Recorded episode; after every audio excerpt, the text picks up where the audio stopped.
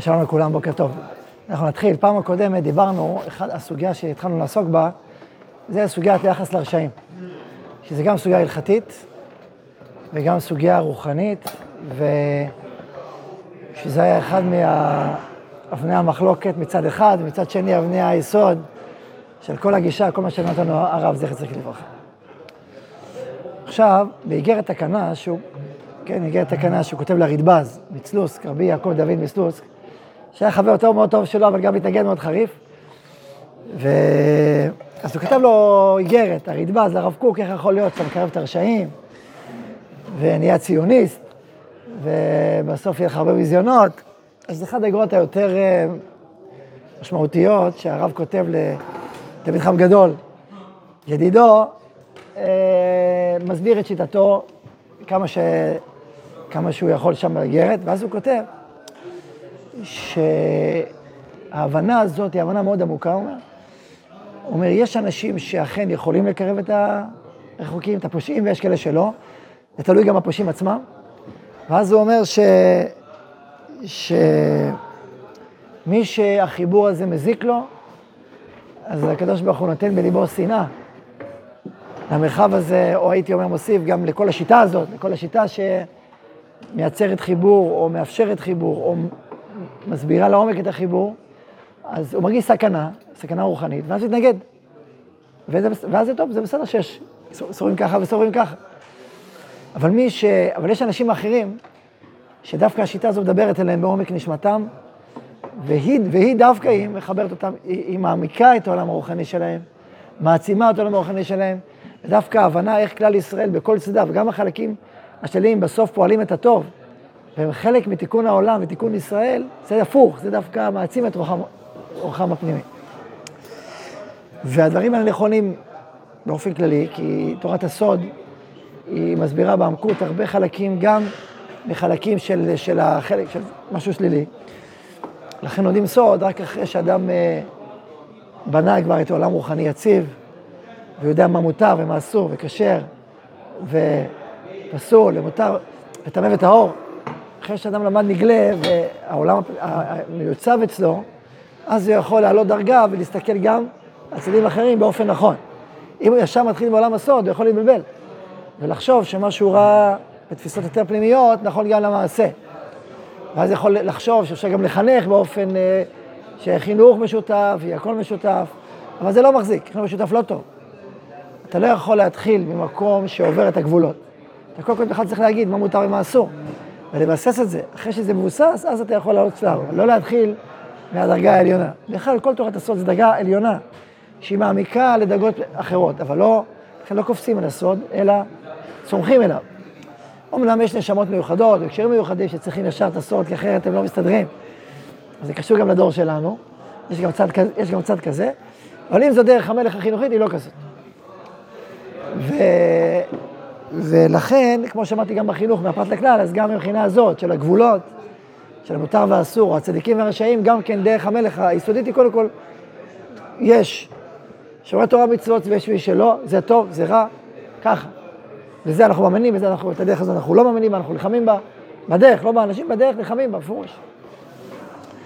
אז, אבל אחרי שעולים דרגה, ומסתכלים יותר פנימה, ואז רואים דברים נוספים, ו...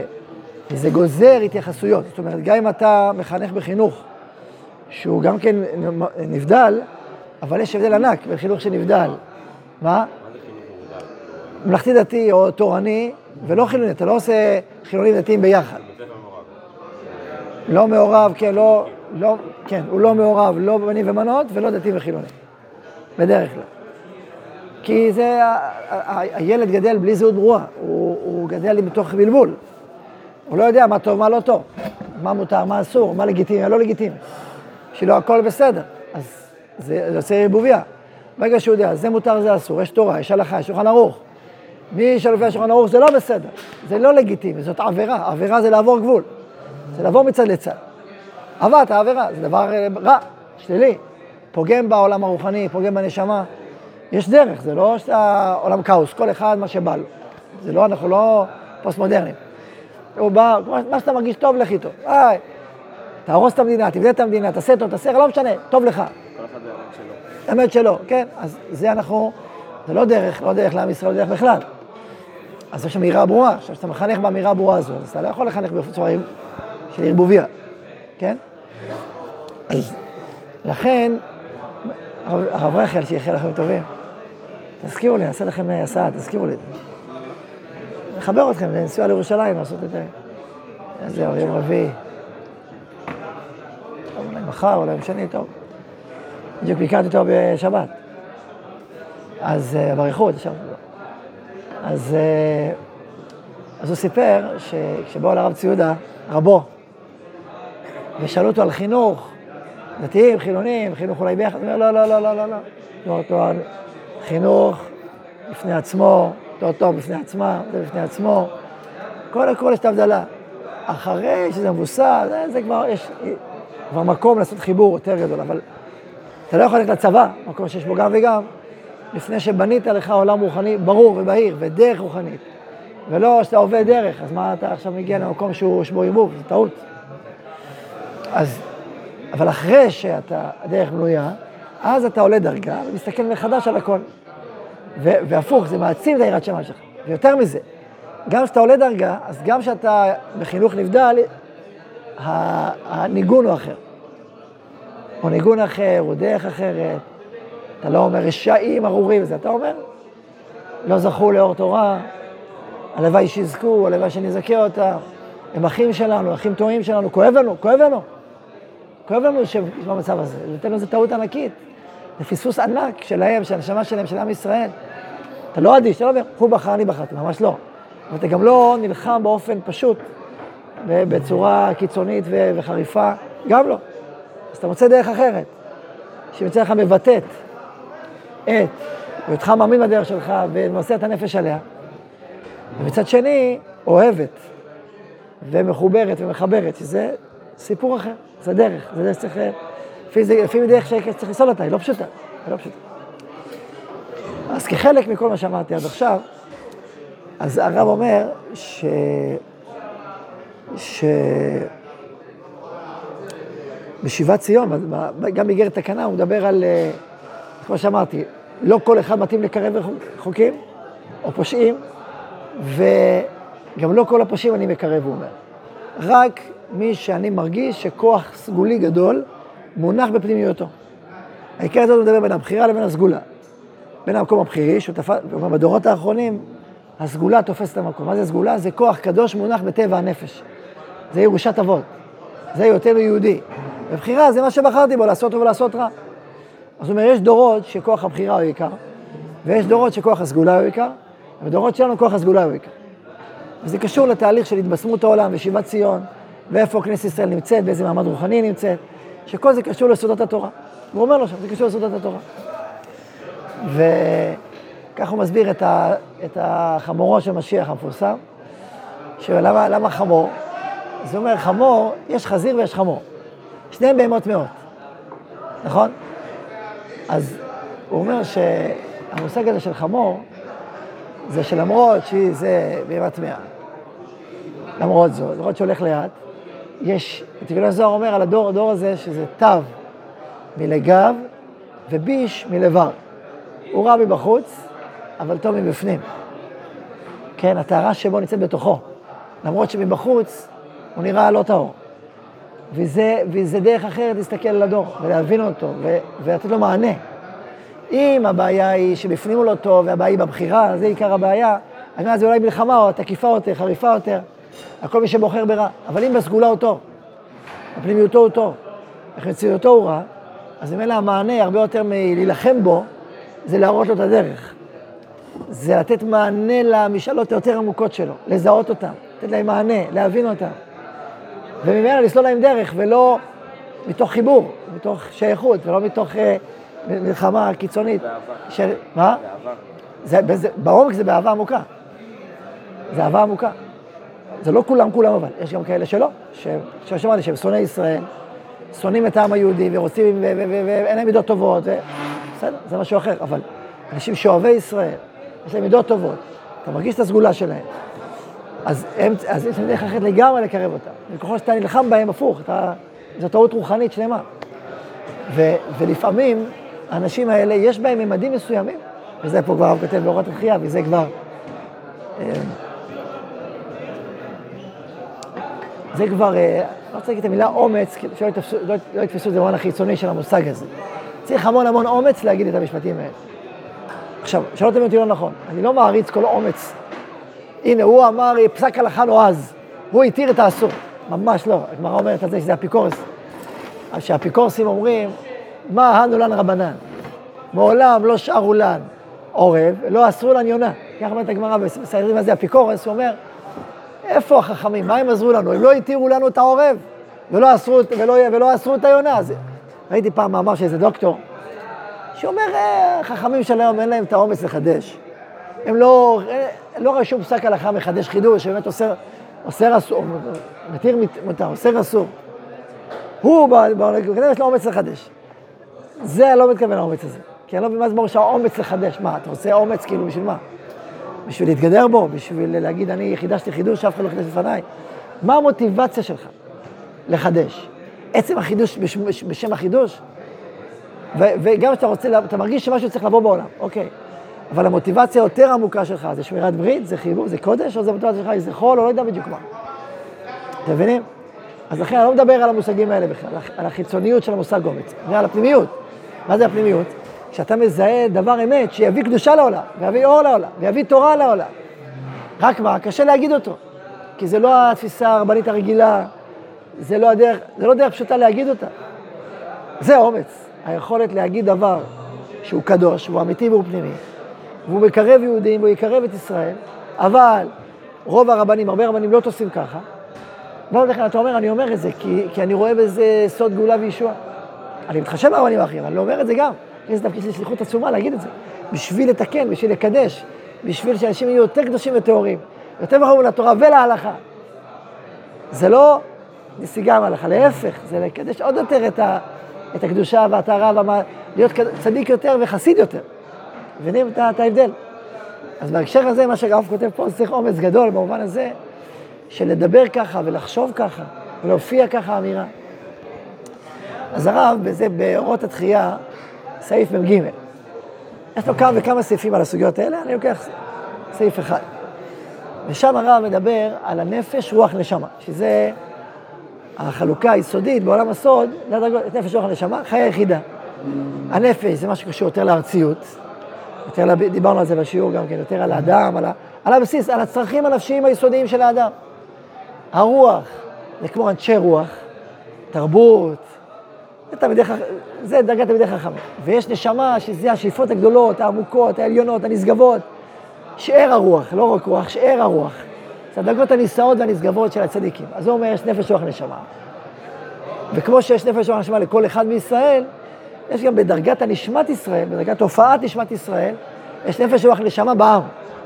יש כאלה שמבטאים את דרגת הנפש, יש כאלה שמבטאים את דרגת הרוח, ויש כאלה שמבטאים את דרגת הנשמה.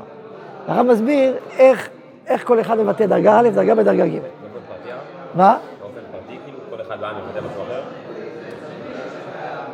אני עכשיו מדבר על משהו כללי.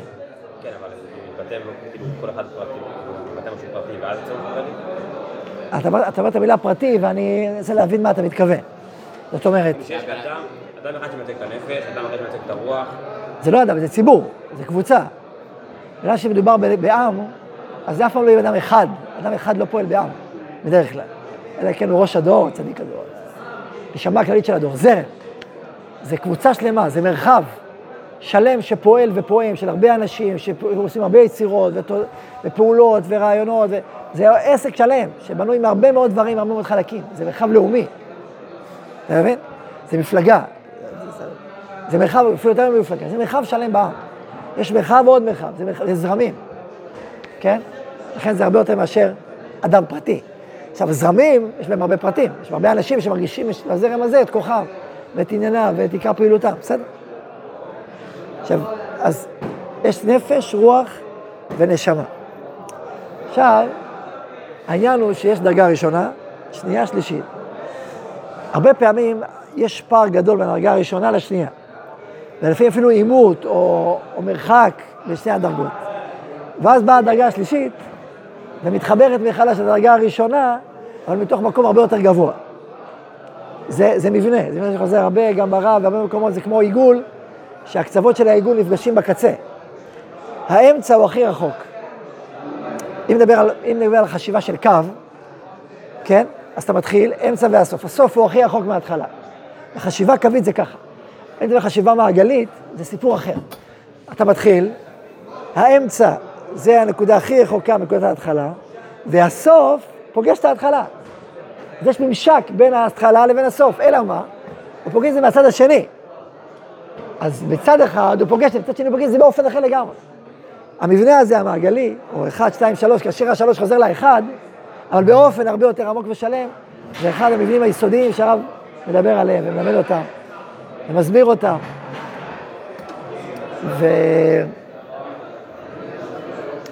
וגם בצורת הרצאה, רוח... הסברה רוחנית, יש מתודית, צורה מתודית, מהכלל הפרטי, מהדבר הפחות מורכב ליותר ויותר ויותר מורכב, שזה דרך אחת להסביר, דרך הקווית.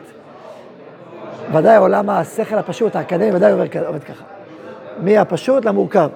הנחות יסוד, אחרי זה שלב, מתודי מאוד. לשכל זה תענוג, ככה לעבוד. אבל יש דרך אחרת, שהמהר"ל למשל עובד איתה, שהוא להגיד את הכל בהתחלה, אבל בצורה מאוד מאוד כללית. ואתה לא ממש מבין את זה עד הסוף. וכל פעם להוסיף עוד רובד ועוד רובד, כאילו המעגל נפתח עוד ועוד ועוד ועוד ועוד. אבל כל פעם הכל עולה דרגה, והכל עולה דרגה, והכל עולה דרגה. זה הרצאה אחרת, זה הכוזרי עובד ככה, מאמר ראשון, שני, מאמר שלישי ורביעי. אתה לא יכול להבין באופן שלם הראשון, שני ושלישי ורביעי. שלישי פותח את הראשון ואת השני. אבל זה כאילו, זה מערכת כאילו שלמה, אבל עם תוכן פנימי, ועוד מערכת עם תוכן. אחרי זה הולכת ופותחת את זה עוד ועוד. אז עכשיו, הדרך הזאת היא כאילו, אתה פוגש את השלם אבל גולמי, ואז השלם, כמו הבן אדם, שהוא כולו קטן, הוא כולו יותר גדול, הוא כולו יותר גדול, הוא כולו יותר גדול. זה את הרצאה אחרת. גם הרב פימון הולך בדרך הזאת, פותח איזה כותרת שהיא תמצית של הכל. ואז הולך ומבאר. הוא לא רק פותח באיזשהו משהו, אתה לא מבין מה הוא אומר, אבל אתה לא מבין מה הוא אומר כי לא קראת את כל המאמר. תקרא את המאמר כולו ואז תחזור, ואז תבין מה הוא התכוון. בסדר? זה, זה... למה אמרתי זה? הצורה המעגלית, דיברתי על כל הצורות המעגליות. אוקיי. אתה מסתכל על הקוליות, על הקוליות, לא חלקות. עכשיו, בואו נדבר רגע על התוכן. אז הוא אומר, הנפש של פושעי ישראל, בעקבתא דמשיחא, אותם שמתחברים באהבה אל ענייני כלל ישראל, אנשים שמוסרים את נפשם על עם ישראל ועל הקמת מדינת ישראל, ומתחברים באהבה עמוקה, בתוך חיבור מאוד עמוק ובאמת. לארץ ישראל ולתחיית האומה, היא יותר מתוקנת מהנפש של שלומי אמוני ישראל, שאין להם זה היתרון של ההרגשה העצמית לטובת הכלל ובניין האומה והארץ. יש אנשים שחווים את בניין הכלל של עם ישראל, ו- וזה בוער בנפשם, הרבה יותר משלומי אמוני ישראל, די חכמים אפילו, שיש להם יותר את דברים אחרים, אבל לא את זה. אבל הרוח הוא מתוקן הרבה יותר אצל יראי השם ושומרי תורה ומצוות.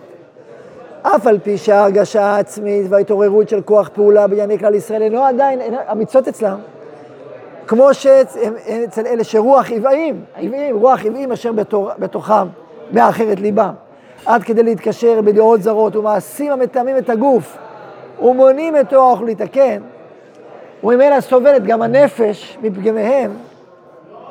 את, כן, אז, אז יש רוח ויש נפש. הנפש של פושעי ישראל, מי שמחובר לעם ישראל באהבה ובצבא ובשם לגמרי, הוא מרגיש את עם ישראל בעוצמה, את הקיום של ישראל.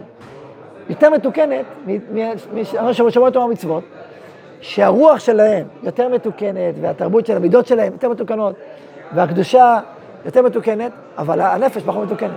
עכשיו, כשהרוח לא, לא מחוברת לקדושת ישראל, אז גם הנפש סובלת בסוף, כן? אבל עדיין יש צד יותר מתוקן אצלם. זה לא רק מידות, זה קדושה, זה תורה, זה תורה. בהקשר פה, בהקשר של פה, מה שאומר פה זה תורה ומצוות. זאת אומרת רוח ישראל. הרוח הקדושה של עם ישראל. הכוונה היא תורה, מצוות, רוח ישראל. זה הכוונה פה. עכשיו, מה עושים? יש בעיה, תבין. אלה חסר בהם חלק ואלה חסר בהם חלק, אז מה עושים? לזה צריך בעלי נשמה. צדיקים כאלה, זרם כזה שהוא חווה את הגודל שיש בנפש וברוח, והוא יכול לאחד ולחבר ביניהם, להיות המתווך. הוא לא מתווך כי הוא פחות מזה ופחות מזה, הוא מתווך כי הוא חווה והוא קולט משהו יותר נשגב שמחבר את שניהם. זה אור הנשמה שמאיר ומחבר בין הרוח לבין הנפש. התיקון שיבוא על ידי אורו של משיח, אור הגאולה, שיעזור לזה הרבה, זה דבר ההתפשטות של גילוי רזי תורה, וגילוי אורות חוכמת אלוהים בכל צורותיה הראויים להיגלות, הוא שיעשו ישראל אגודה אחת, ותתוקן הנפש של היראים שומרי התורה, הנפש שלהם תתוקן, יש שלמות הנפש של הפושעים הטובים, לא כולם, הפושעים הטובים, ביחס לענייני הכלל ותקוות הגשמיות והרוחניות המושגות בהכרה והקשרה האנושית. והרוח של הפושעים האלה, הוא קורא להם פושעים. לקודמים הוא קורא שלומי אמוני ישראל. פה הוא אומר פושעים, לא משפט לא פשוט.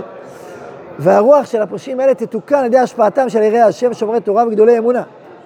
וממילא יבוא לאלה ואלה לאור גדול, והופעת תשובה שלמה תבוא לעולם, ואז יהיה ייסורים מוכנים לגאולה. והצדיקים העליונים, מראה דנשמתה, הם יהיו הצינורות המאחדים, שעל ידם יעבור שפע אור הנפש משמאל לימין ושפע אור רוח מימין לשמאל, ותהיה השמחה גדולה מאוד. כהניך ילבשו צדק וחסידיך ירננו. והנה בכוח אורו של משיח, שהוא דוד בעצמו, שהקים עולה של תשובה, בעבור דוד עבדיך, אל תשב פני משיחיך. זאת אומרת, הרב מתאר פה תהליך, שגדולי הצדיקים, הם צריכים להמשיך אורות גבוהים מאוד, וסודות פנימיים מאוד, כדי לחבר ולהסביר גם, לש... גם לאנשי הרוח את משמעות הנפש. ולאנשי הנפש משמעות הרוח, ואז לחבר ביניהם דרך אור ייחוד שהוא גבוה משניהם. זה הדרך, זה הדרך. כי אז אנשי הרוח רואים צדיק אמיתי, רואים איש צדיק, איש קדוש, שפתאום מסביר להם אותם וגם את הנפש.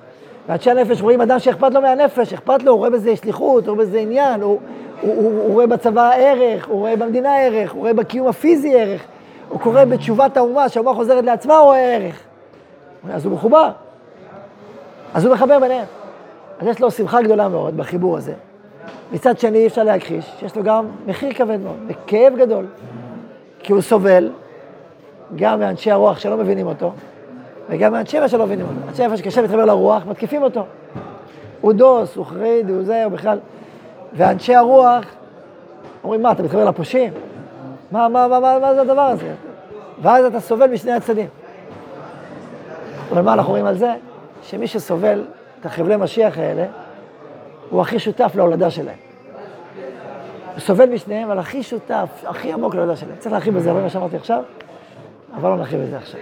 אבל זה קשור לאורו של משיח, זה קשור למי שחווה פעמי, מי שלא מוכן לוותר על שום צד. מי שבתוך תוכו לא מוכן לוותר, לא על הנפש ולא על הרוח. הוא לא מוכן לוותר, הוא רואה גם בצבא ובחיבור לארץ ישראל ישראל, הוא רואה, הוא מרגיש את הקדושה שיש בזה. הוא מרגיש שיש בזה פעמי גאולה. וגם שני, הוא לא מוכן לוותר בשום פנים על הקדושה ועל התורה, על כל, בשום פנים באופן. אז מה הוא יעשה? הוא יש פה סתירות פנימיות. אז הוא מביא את הנשמה וחי חיים ואז הוא נגאל וגואל אחרים. יהי רצון, אמר.